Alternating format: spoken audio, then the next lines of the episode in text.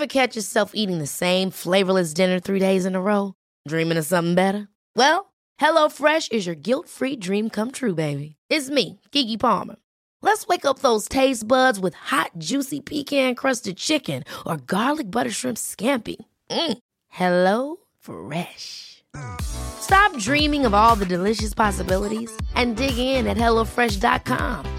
Let's get this dinner party started. Hi, I'm Daniel, founder of Pretty Litter. Did you know cats tend to hide symptoms of sickness and pain? I learned this the hard way after losing my cat, Gingy. So I created Pretty Litter, a health monitoring litter that helps detect early signs of illness by changing colors, saving you money and potentially your cat's life. Pretty Litter is veterinarian developed, and it's the easiest way to keep tabs on your fur baby's health right at home. Go to prettylitter.com and use code ACAST for 20% off your first order and a free cat toy. Terms and conditions apply. See site for details. Ryan Reynolds here from Mint Mobile. With the price of just about everything going up during inflation, we thought we'd bring our prices down. So to help us, we brought in a reverse auctioneer, which is apparently a thing. Mint Mobile unlimited premium wireless. Ready to get 30, 30, bit to get 30, bit to get 20, 20, 20, bit to get 20, 20, bit to get 15, 15, 15, 15 just 15 bucks a month. So, Give it a try at mintmobile.com slash switch. $45 up front for three months plus taxes and fees. Promo rate for new customers for limited time. Unlimited more than 40 gigabytes per month. Slows. Full terms at mintmobile.com.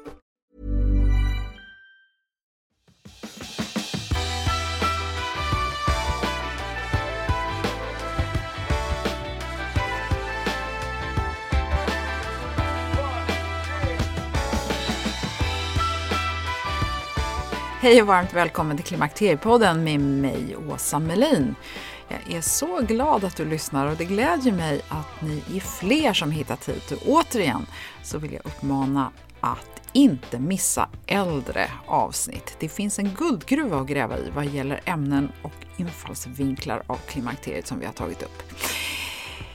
Visst är det enklare att ducka för det som känns obehagligt, komplicerat eller svårt att greppa. Speciellt om man dessutom känner sig lite underlägsen och vet med sig att man borde ha bättre koll. Det kan gälla många saker i livet och vi har olika områden som vi skulle kunna gagnas av och förbättra kunskapen inom för vår egen skull. För det stressar oss när det finns något som gror lite obehagligt i bakhuvudet. Låggradig stress kallas det och det påverkar vår hormonella balans och hälsa mer än du kanske tror. Så nu ska du få ta del av ett samtal som bottnar sig i en bok som landade i min brevlåda för ett tag sedan och som jag först tänkte att det var för sent att läsa. Men eh, det visar sig att det är aldrig för sent att göra någonting åt ekonomin. Så välkommen att lyssna!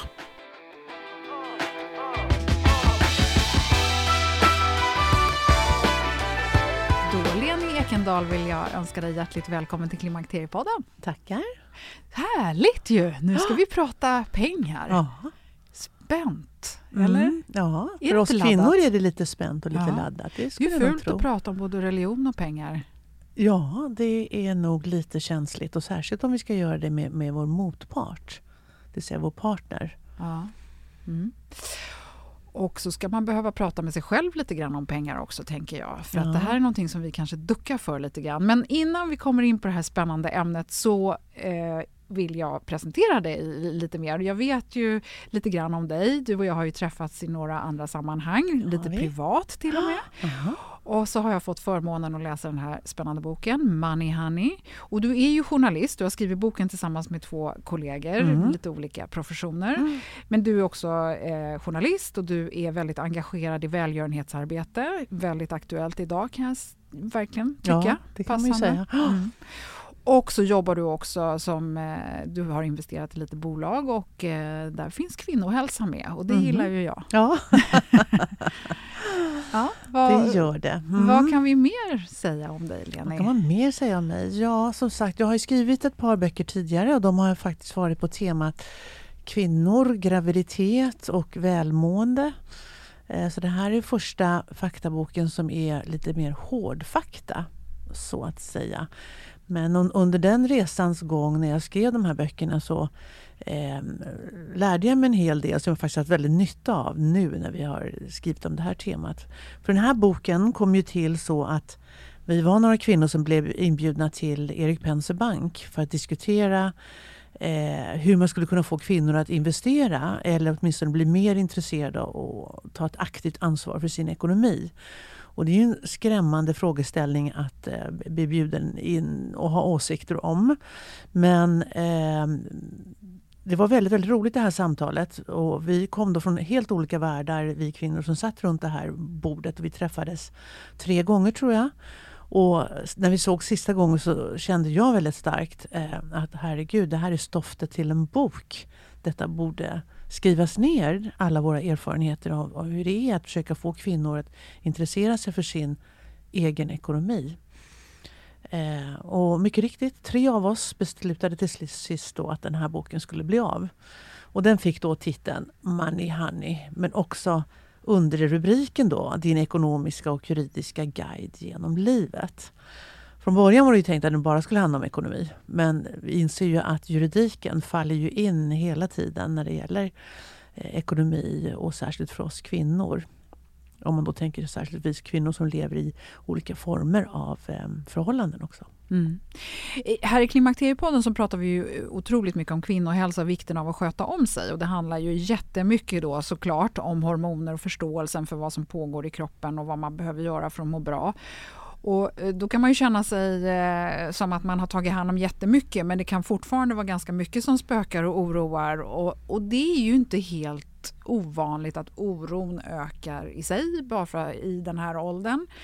Och då kan det ju många gånger vara det här med ekonomin som spökar för man behöver känna sig trygg även där. Och, och då tänker jag att du kan guida oss lite grann i hur, hur, man, kan, hur man kan skapa trygghet i ja, den ju, biten. Ja, det är ju så här, eh, visar både statistik och våra egna findings när vi har intervjuat, vi har intervjuat kanske 50-60 kvinnor för den här boken och, och deras berättelse finns med i boken och inspirerat oss till kapitelindelning och så vidare. Men att just eh, har man dålig ekonomi så mår man rätt så ordentligt dåligt. Och när man då till exempel går in i eh, klimakteriet, för det är ungefär i den åldern som klimakteriet infaller som man också som skilsmässorna ökar ordentligt. Och om man då tänker sig scenariet att man går in i klimakteriet, man skiljer sig, och barnen flyttar hemifrån.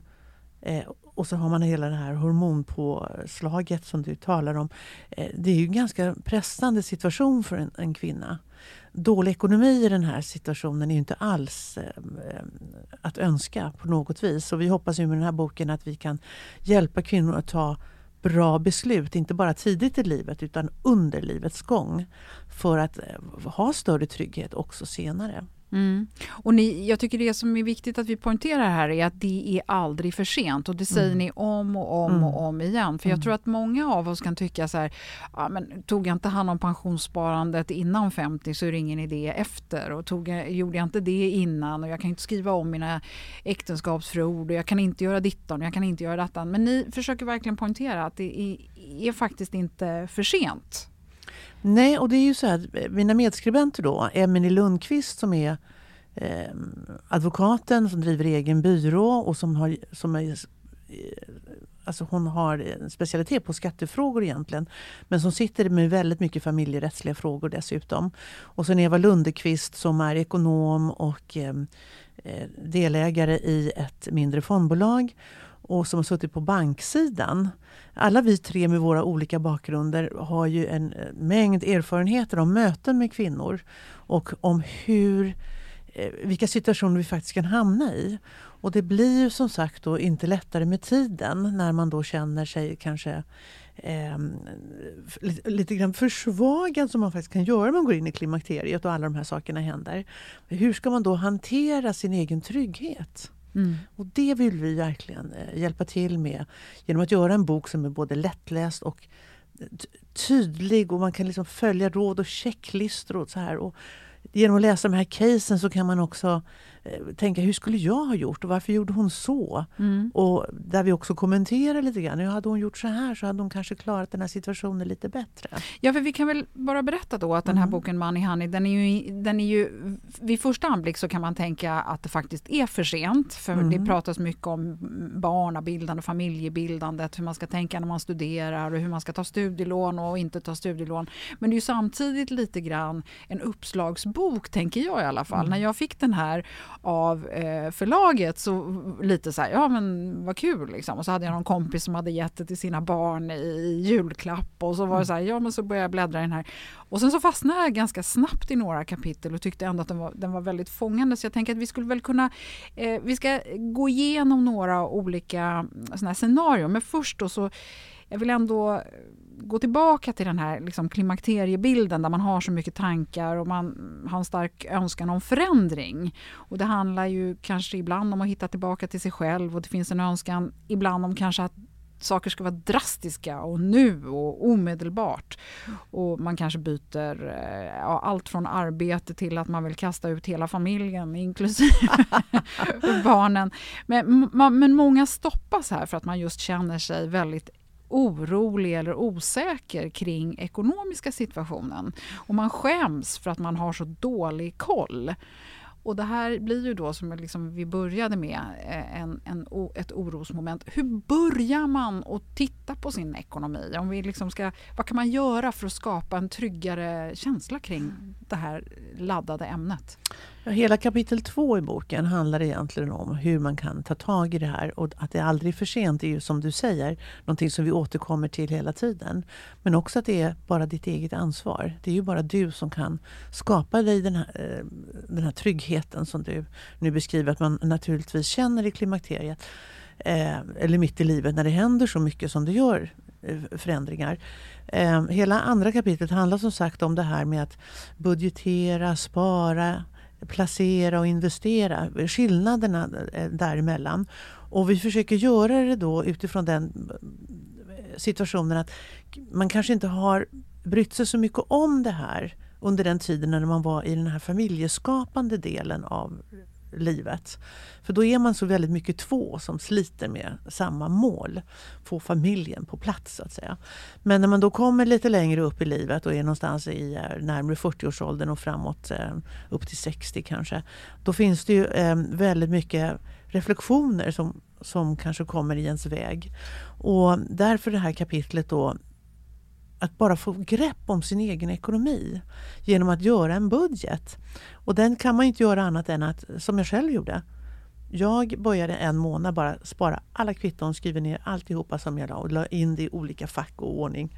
Alltså hur mycket kostar mitt boende, hur mycket kläder köpte jag, vad kostar min mat, mina nöjen och så vidare. Och sen satte jag eh, mig ner eh, efter en månad och, och reflekterade, hur såg det här ut? Var gick mina pengar någonstans? Och, och sen var det ju bara att jämföra kostnaderna mot intäkterna. Och då gjorde vi nämligen så, för att det är ju många där som blir lite chockade över hur, varför det inte går ihop i slutet av månaden. Ehm, och då kan man alltså, har vi försökt göra så att om du är missnöjd, vad kan du göra åt det? Om du är nöjd, vad kan du göra då? Och tanken är ju hela tiden att få kvinnor att tänka, jag skulle kunna lägga över en del av mina pengar Eh, på ett sparande av något slag. Sparande är ju för övrigt någonting som vi kvinnor är väldigt duktiga på. Vi sparar och vi konsumerar. Vi konsumerar sånt som, som eh, är härligt och mysigt för hemmen. Männen å andra sidan konsumerar sådana saker som ofta har ett andrahandsvärde. Och det är där vi behöver bli bättre. För det skapar också trygghet att vi äger någonting som man faktiskt kan sälja och använda sig av i fall, de fall det krisar. Men vi försöker skilja på det där då med spara som vi är duktiga på. Sen är vi ganska bra på att placera. Det vill säga att om vi råkar få ett arv eller vi har, en, har sparat ihop en summa pengar att vi kanske placerar det någonstans. Men då går vi ofta, vi kvinnor, till en man. Alltså en bankman. En, till en eh, pappa eller en bror eller någon eh, besläkta, eh, släkting av något slag som då ska hjälpa oss med den här placeringen. Och så lämnar vi över vår ekonomi. Och det där är ju eh, synd när det faktiskt kan vara så roligt att själv vara engagerad i sin investering. Och det har ju varit väldigt gynnsamt fram till och med det här året inte, inte minst att engagera sig och titta lite grann vad som händer på börsen och även titta på olika fondbolag och hur man skulle kunna placera sina pengar och förvalta dem själv eller ha den kontakten att man kan ändra själv.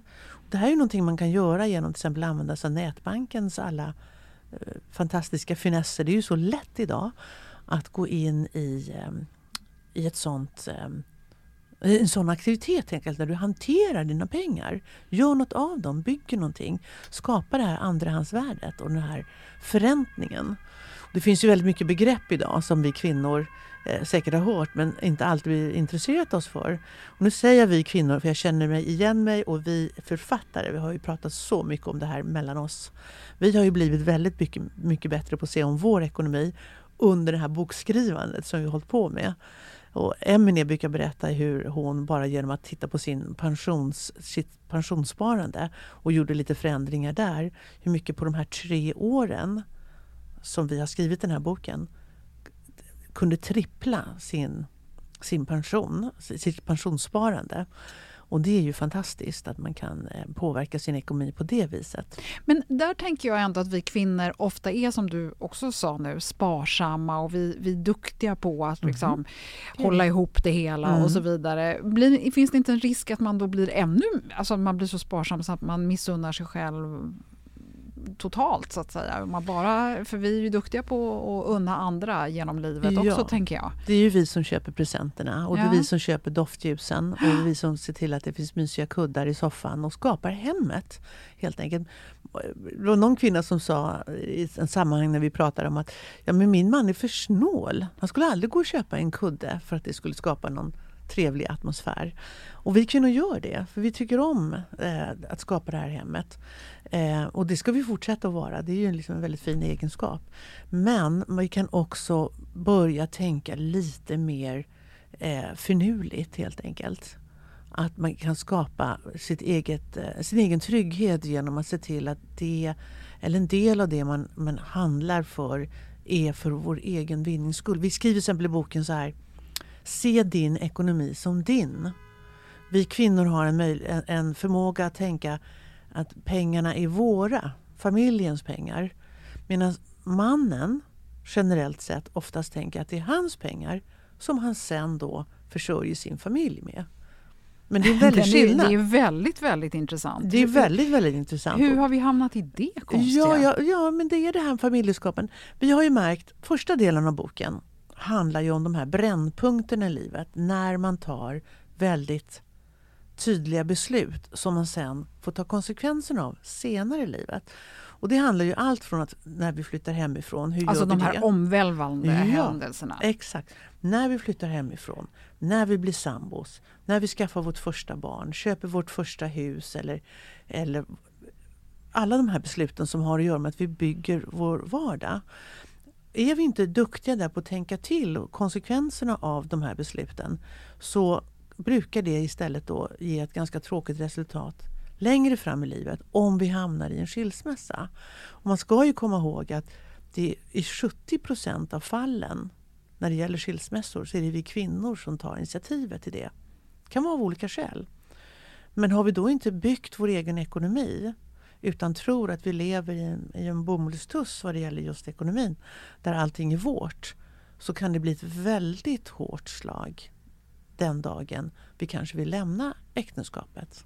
Så vad är de klassiska kvinnofällorna? Vad, I de här om, omvälvande tillfällena i livet, i de här händelserna, vad är det för fel vi gör då? Ja. Och, och, hur kan vi då, när vi nu står där 45 plus eh, någonstans, mm. vad, vad, kan man rätta upp? Ja, det här brukar ju min då kollega Emine berätta om. För Emine är ju eh, specialist på det juridiska och det var därför det blev så viktigt att införliva det juridiska i den här boken.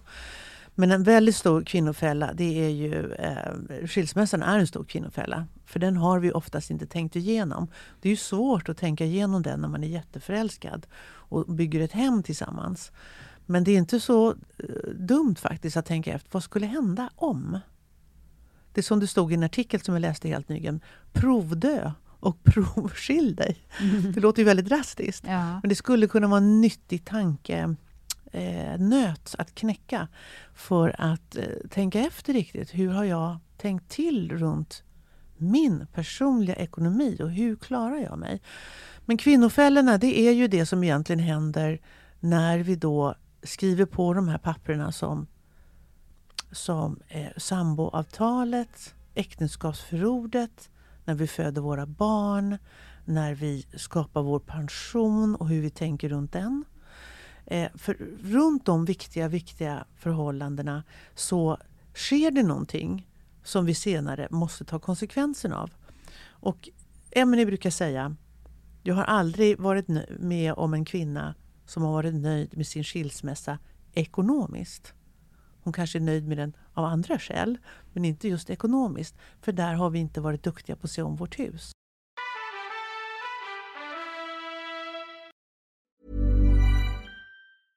Ready to pop the question? The jewelers at BlueNile.com have got sparkle down to a science with beautiful lab-grown diamonds worthy of your most brilliant moments. Their lab grown diamonds are independently graded and guaranteed identical to natural diamonds, and they're ready to ship to your door. Go to Bluenile.com and use promo code LISTEN to get $50 off your purchase of $500 or more. That's code LISTEN at Bluenile.com for $50 off. Bluenile.com code LISTEN. Hold up. What was that? Boring. No flavor. That was as bad as those leftovers you ate all week. Kiki Palmer here, and it's time to say hello to something fresh and guilt-free. Hello Fresh. Jazz up dinner with pecan-crusted chicken or garlic butter shrimp scampi. Now that's music to my mouth. Hello Fresh. Let's get this dinner party started. Discover all the delicious possibilities at hellofresh.com. There's never been a faster or easier way to start your weight loss journey than with PlushCare. PlushCare accepts most insurance plans and gives you online access to board-certified physicians who can prescribe FDA-approved weight loss medications like Wigovi and Zepbound for those who qualify. Take charge of your health and speak with a board-certified physician about a weight loss plan that's right for you. Get started today at plushcare.com slash weight loss. That's plushcare.com slash weight loss. plushcare.com slash weight loss.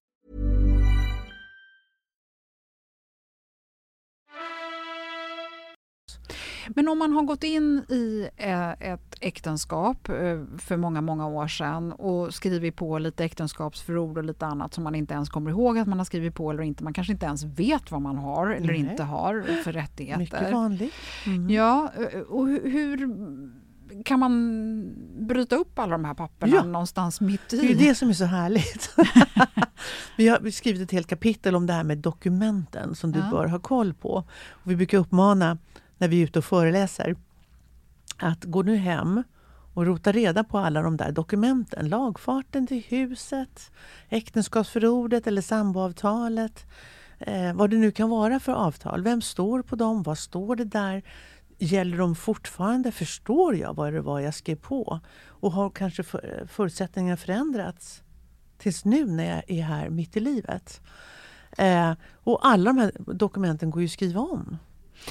Eh, men jag tänker så här att om man då upptäcker saker som man då inte vill ta konsekvenserna av så är det ju inte så himla lätt då om man redan har hamnat i den här osämjan. Att man kanske redan har börjat liksom ta steget till en, en skilsmässa eller något liknande. Eller en, ja, hur, hur, gör man det här? Ja, det hur gör man? Det som, det, som, ehm, det som kan vara svårt det är ju faktiskt att man först under, när man väl har fattat beslutet att man vill skilja sig till exempel.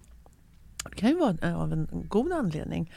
Eh, så det är då man upptäcker konsekvenserna av besluten man fattade tidigare. Och ska man vara lite klok så är det ju viktigt att man tänker på det här som ett litet scenario utan att man ska behöva vara särskilt olycklig och vilja skilja sig. Vad eh, skulle hända mig om jag skilde mig eller min man gick bort? Mm. Var, var hamnar jag någonstans då? Och, och, och testa ditt, eh, eh, din situation. Jag tänker bara på en sån här enkel Mm. sak som, som jag stod inför häromdagen faktiskt när man tittar på eh, förmånstagare för till exempel privata pension, eh, Mm. pensionsförsäkringarna tänker man ju, de är mina, de kan Mm. ingen ta ifrån mig vad som Mm. än händer och så vidare. Men då, kan man ju, då började jag titta på i alla fall, vem är förmånstagare? Och så Mm. tänkte jag så här, men vänta hallå, hur är det egentligen jag vill ha det här då? Och vad är det smartaste att göra här? Mm. Bara en sån Ja. sak. Men, och där tänker jag att då ens partner är också en viktig spelare Mm. i, i den här helhetssynen. Eh, men du tycker att man bara rakt upp och ner ska börja prata om de här sakerna? Ja, vi har till och med ett helt kapitel. Sista kapitlet i boken handlar om det här samtalet. Eh, och- det, handlar ju, det kapitlet handlar väldigt mycket om hur man samtalar med sin partner om det. Säg att man har levt tillsammans i tio år.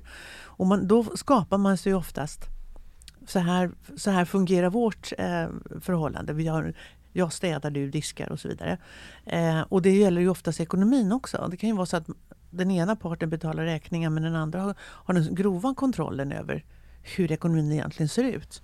Och, och, och då komma och säga, nej men nu skulle jag vilja prata lite grann om vår gemensamma ekonomi, hur den ser ut egentligen.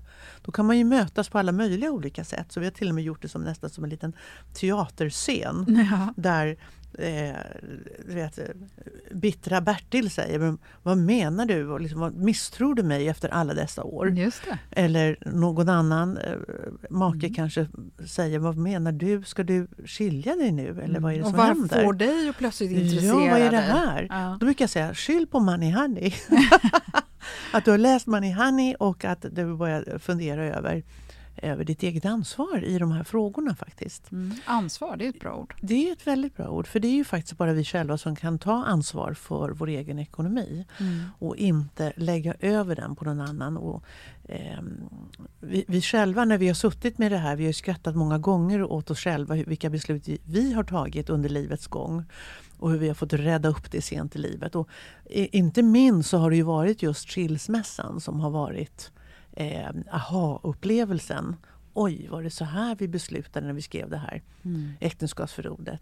Eller vad vi gjorde eh, när vi tog de här besluten. Så första delen kan man då säga boken handlar om brännpunkterna i livet. Vilka beslut bör du ta då? Det finns checklistor där hur du ska tänka runt o- olika valalternativ och inspirationspunkter eh, för hur du skulle kunna agera till exempel när du ska bli sambo eller när ni skaffar ett första barn. Hur du ska göra med din ekonomi då. För att kvinnor vill vara hemma med sina barn det är ju en självklarhet. Och det ska man ju kunna vara. Men det ska inte behöva rasera hennes privata ekonomi och skapa den otryggheten som det kan göra. Ehm, så där har vi lagt ner väldigt mycket möda på att se till att få kvinnan att känna liksom att det här är en självklarhet. Det var någon kvinna som sa till oss till exempel att Nej men ska jag då börja gå in och styra hans ekonomi bara för att vi skaffar barn? Nej men så kan du ju inte se på det, sa vi lite stillsamt då. Utan det handlar ju fortfarande om att ni tillsammans har tagit beslutet att skaffa ett barn.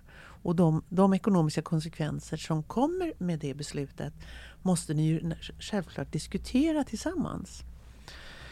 Ehm, och det här det är ju så spännande med kvinnor för vi är så generösa och välvilliga och vi vill så mycket med vår familj och våra barn eh, och vårt äktenskap. Ehm, så att vi, vi glömmer bort det här jaget som vi så gärna vill eh, hjälpa kvinnor att lyfta fram. Inte för att man ska vara egocentrisk eller missunnsam eh, på något vis utan där, för att det skapar trygghet.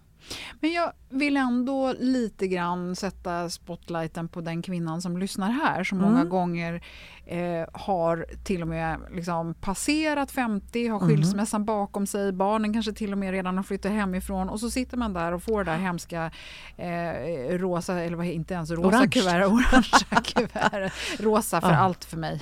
Ja. Eh, nej men och att man då liksom inte riktigt ens vågar titta på det i vitögat. Och nu Mm. kanske man inte kan skylla på någon annan. Man kan inte ta någon partner i hampan och säga du jag vill skriva om det här eller jag Nej. undrar hur det egentligen är med det där och så vidare. Mm. Eller säga att man vill ta ett större ansvar eller man vill kliva in i en ny roll i, i den gemensamma ekonomin. Man står där helt ensam och Mm. har ju redan gjort alla de här tabbarna. Vad gör man då? Ja, vi har faktiskt skrivit ett helt kapitel om det där. För, Jaha, för dig som surprise, lever ensam. Ja, Ja. precis. Eh, mycket gäller ju för oavsett om du lever i ett äktenskap eller, eller inte. Men det vi vill pusha för väldigt mycket är att det är aldrig för sent. Och vi har gjort, visat tabeller på hur ett sparande med, med en viss placering då i aktier till exempel eh, faktiskt kan på väldigt kort sikt generera en ganska så stor utdelning och stor trygghet för dig.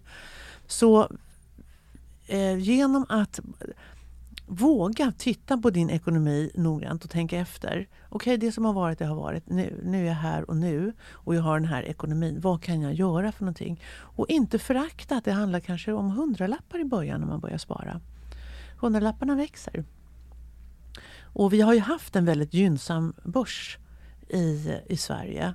Eh, och vi hoppas att den kommer tillbaka. För skrivande stund så är det ju eh, lite shaky på grund av det som händer i världen. Mm. Men tittar man på eh, börsutvecklingen på 100 år så är det ändå så att den, totalt sett så växer aktievärdet med ungefär 7% per år hur som helst. Och då kan man ju själv räkna eller titta i vår bok.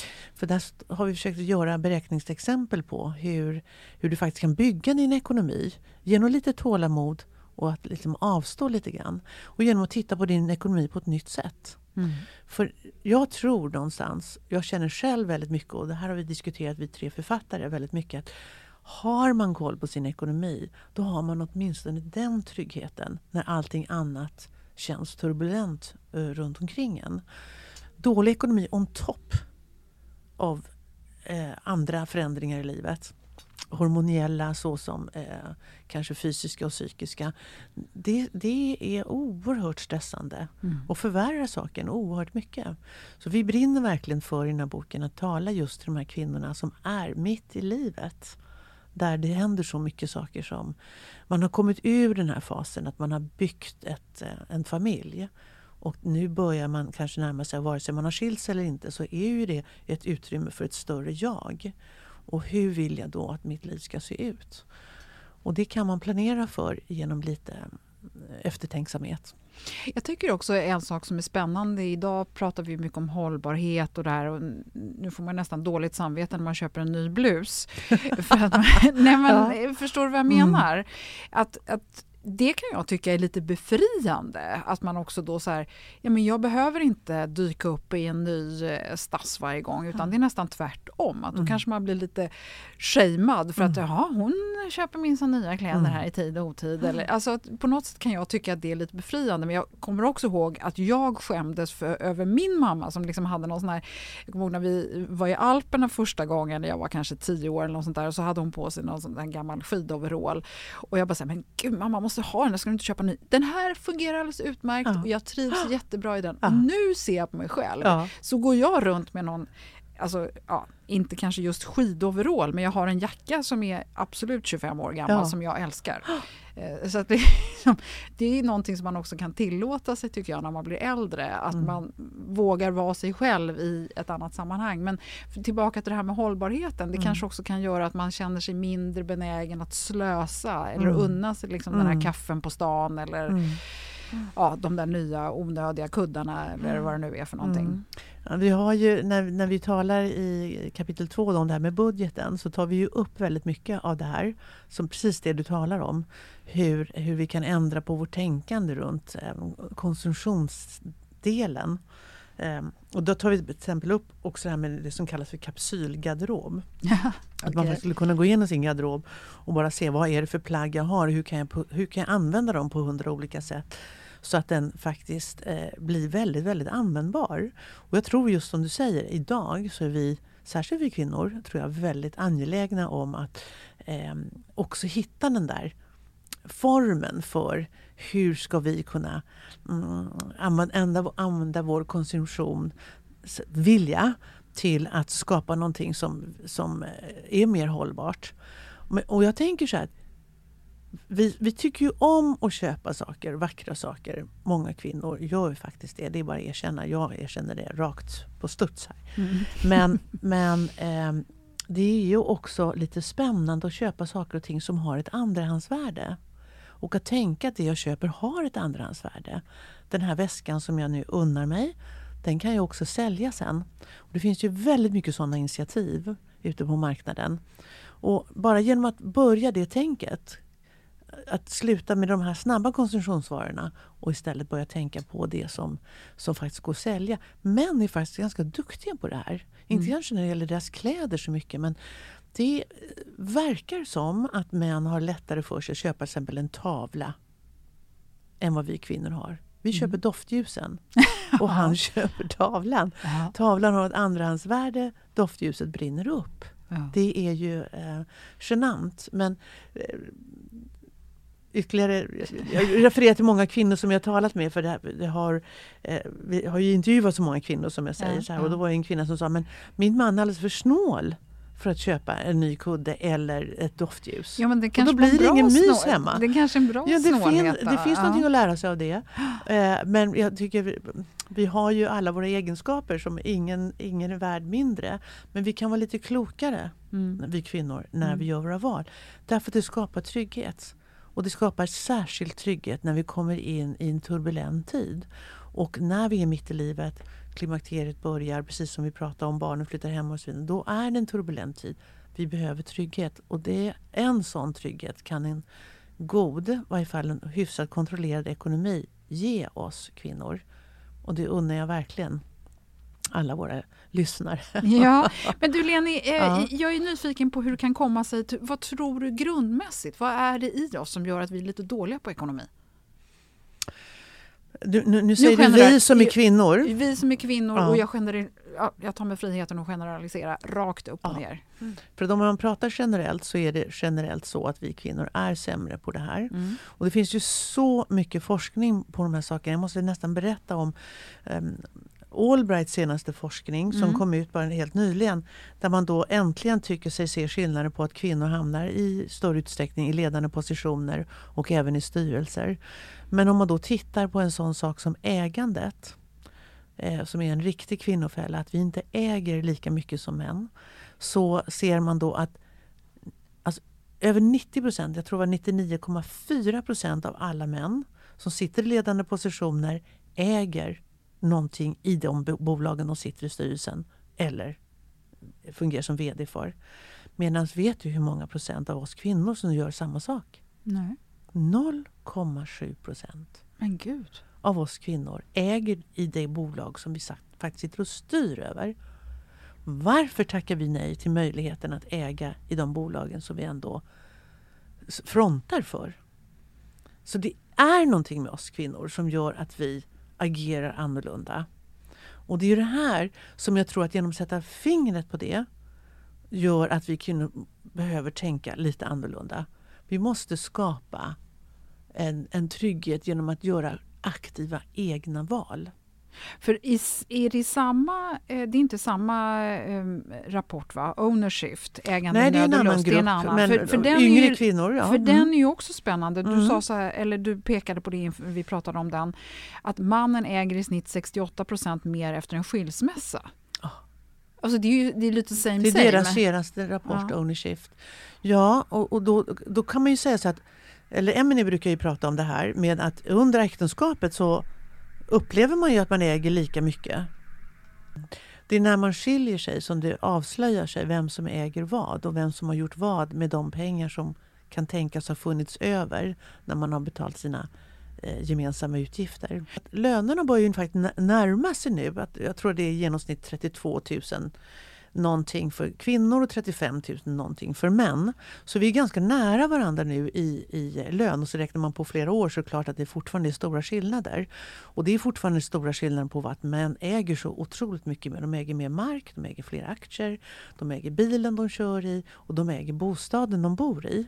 Medan om man tittar på skilda kvinnor till exempel så den vanligaste eh, bostaden för en kvinna med barn är en hyresrätt. Den vanligaste bostaden för en man med barn är bostadsrätt eller villa. Så det, det finns någonting där som vi kvinnor bara kan ta tag i själva. Där inte samhället längre har något ansvar utan det är vi själva. Och vi måste sluta att tänka på saker och ting som att det är oromantiskt eller orättvist eller girigt. Eller vi har alla möjliga olika ursäkter till varför vi inte tar tag i de här sakerna.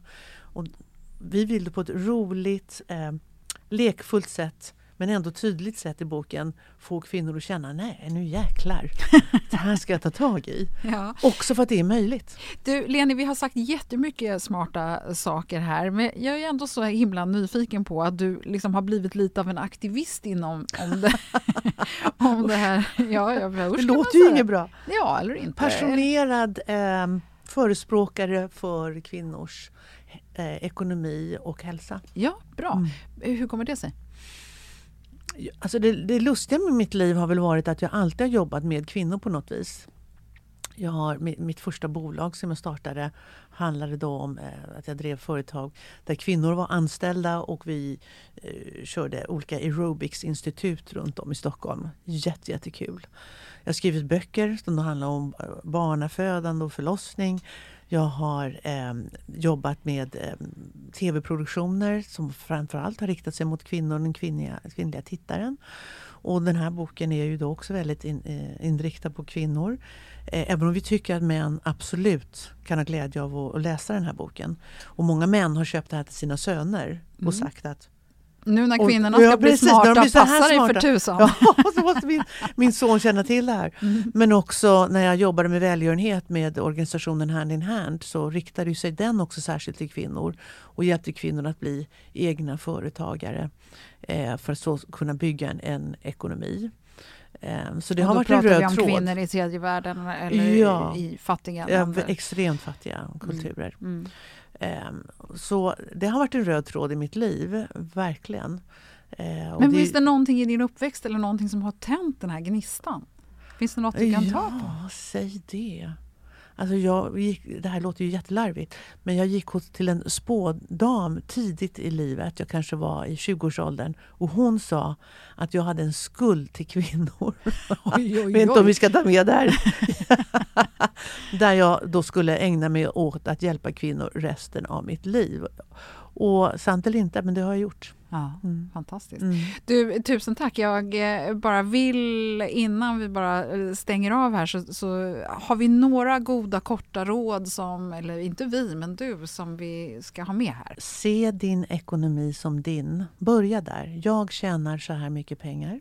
Och eh, sedan ska den fördelas på mina olika poster där familjen är en del av dem. Eh, börja äga. Sluta med att inte äga.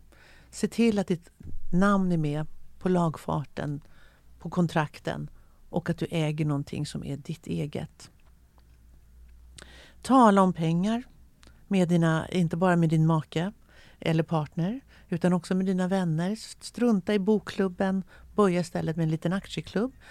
Investera i aktier, våga göra det. I, i aktier som där du själv känner att det här är jag intresserad av. Är det kläder så gå in och investera i ett sådant företag. Är det eh, medtechbolag, du kanske jobbar i ett medtechbolag, investera i en sån aktie där du har din kunskap. Mm. Ja, kunskap eller intresse. Ja. ja. Se om din pension är oerhört viktigt. Man, den kommer inte räcka långt. Och Det är ett skrämmande läskigt papper, den där orangea kuvertet. Men du kan göra någonting åt det. Du kan göra val. Kloka val där. Eh, sen har vi en kvinnofälla som vi inte har pratat om. är det här med att kvinnor bildar eh, enskild firma istället för aktiebolag. Det är en, ett råd som vi vill eh, ge kvinnor. Bilda aktiebolag.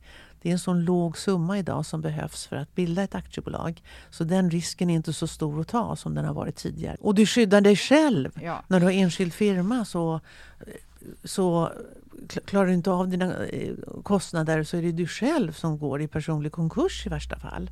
Har du ett aktiebolag så är du ju skyddad och det är ju bolaget. Och du står mm. fri. Det finns många lättnader som gör att det är en mycket bättre, tryggare lösning för kvinnor. Mm. Så har du enskild firma, eh, ombilda fort. Mm. Eh, och sen skulle jag vilja då lägga till också det här skilj dig klokt. Tänk efter. Om du ska skilja dig, skilj dig klokt. Var, var genomtänkt innan du går in i den processen. Det finns saker du kan göra och stöd du kan få. Sen brukar vi säga att vi har tre stycken sådana budord som jag skulle vilja säga som det sista då. Och det är eh, Det är aldrig för sent. Det är aldrig för lite pengar. Och det är bara ditt eget ansvar. Och om du verkligen funderar över de tre budorden så hoppas jag att det blir som en inspiration till dig att verkligen ta tag i de här sakerna. Eh, och du får mycket stöd och hjälp och rolig läsning i eh, Money Honey. Mm. Ja, men kul, jättebra! Ja. Tusen ja. tack Leni Ekendal för att du Tack. ville komma till Klimakteriepodden. Jag tror att alla fick någonting att fundera på här och eh, eh, personligen så var det en sak i den här boken som jag verkligen tittar lite extra på. Det är hur jag pensionssparar Mm. eh, som jag ska göra lite, skruva lite på. Ja. Eh, så att, eh, det är kul. Ja, Det är jo, men det är jätteroligt. Eh, Mm. Även om jag håller med dig om att just nu är det lite skakigt. Nu eh, vågar man inte så mycket mer än att sitta still. Men eh, det kommer en ny dag. Det gör det. Tusen tack för att du kom till Klimakteriepodden idag. Tack snälla för att jag fick komma hit. Tack.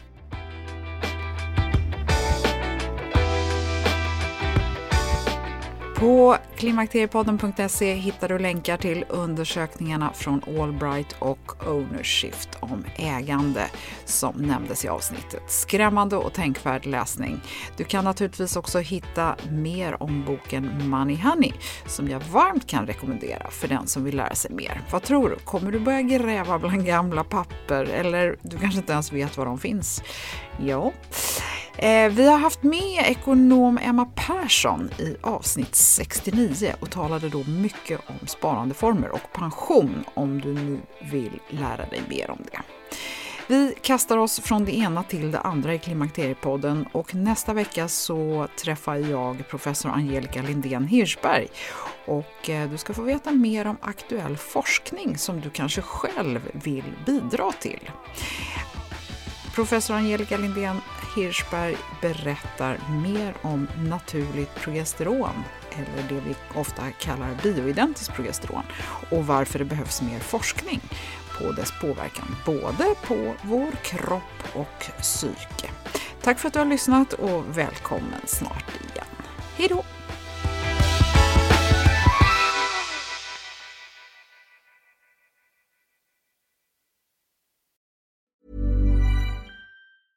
Imagine the softest sheets you've ever felt. Now imagine them getting even softer over time. That's what you'll feel with Bowl and Branch's organic cotton sheets. In a recent customer survey, 96% replied that Bowl and Branch sheets get softer with every wash. Start getting your best night's sleep in these sheets that get softer and softer for years to come. Try their sheets with a 30-night guarantee. Plus, get 15% off your first order at bowlandbranch.com. Code BUTTERY. Exclusions apply. See site for details. Ever catch yourself eating the same flavorless dinner three days in a row? Dreaming of something better? Well, HelloFresh is your guilt-free dream come true, baby. It's me, Kiki Palmer. Let's wake up those taste buds with hot, juicy pecan-crusted chicken or garlic butter shrimp scampi. Mm. Hello Fresh. Stop dreaming of all the delicious possibilities and dig in at HelloFresh.com. Let's get this dinner party started. Hey, it's Paige DeSorbo from Giggly Squad. High quality fashion without the price tag. Say hello to Quince. I'm snagging high-end essentials like cozy cashmere sweaters, sleek leather jackets, fine jewelry, and so much more. With Quince being 50 to 80% less than similar brands. And they partner with factories that prioritize safe, ethical, and responsible manufacturing. I love that. Luxury quality within reach. Go to quince.com slash style to get free shipping and 365 day returns on your next order. Quince.com slash style.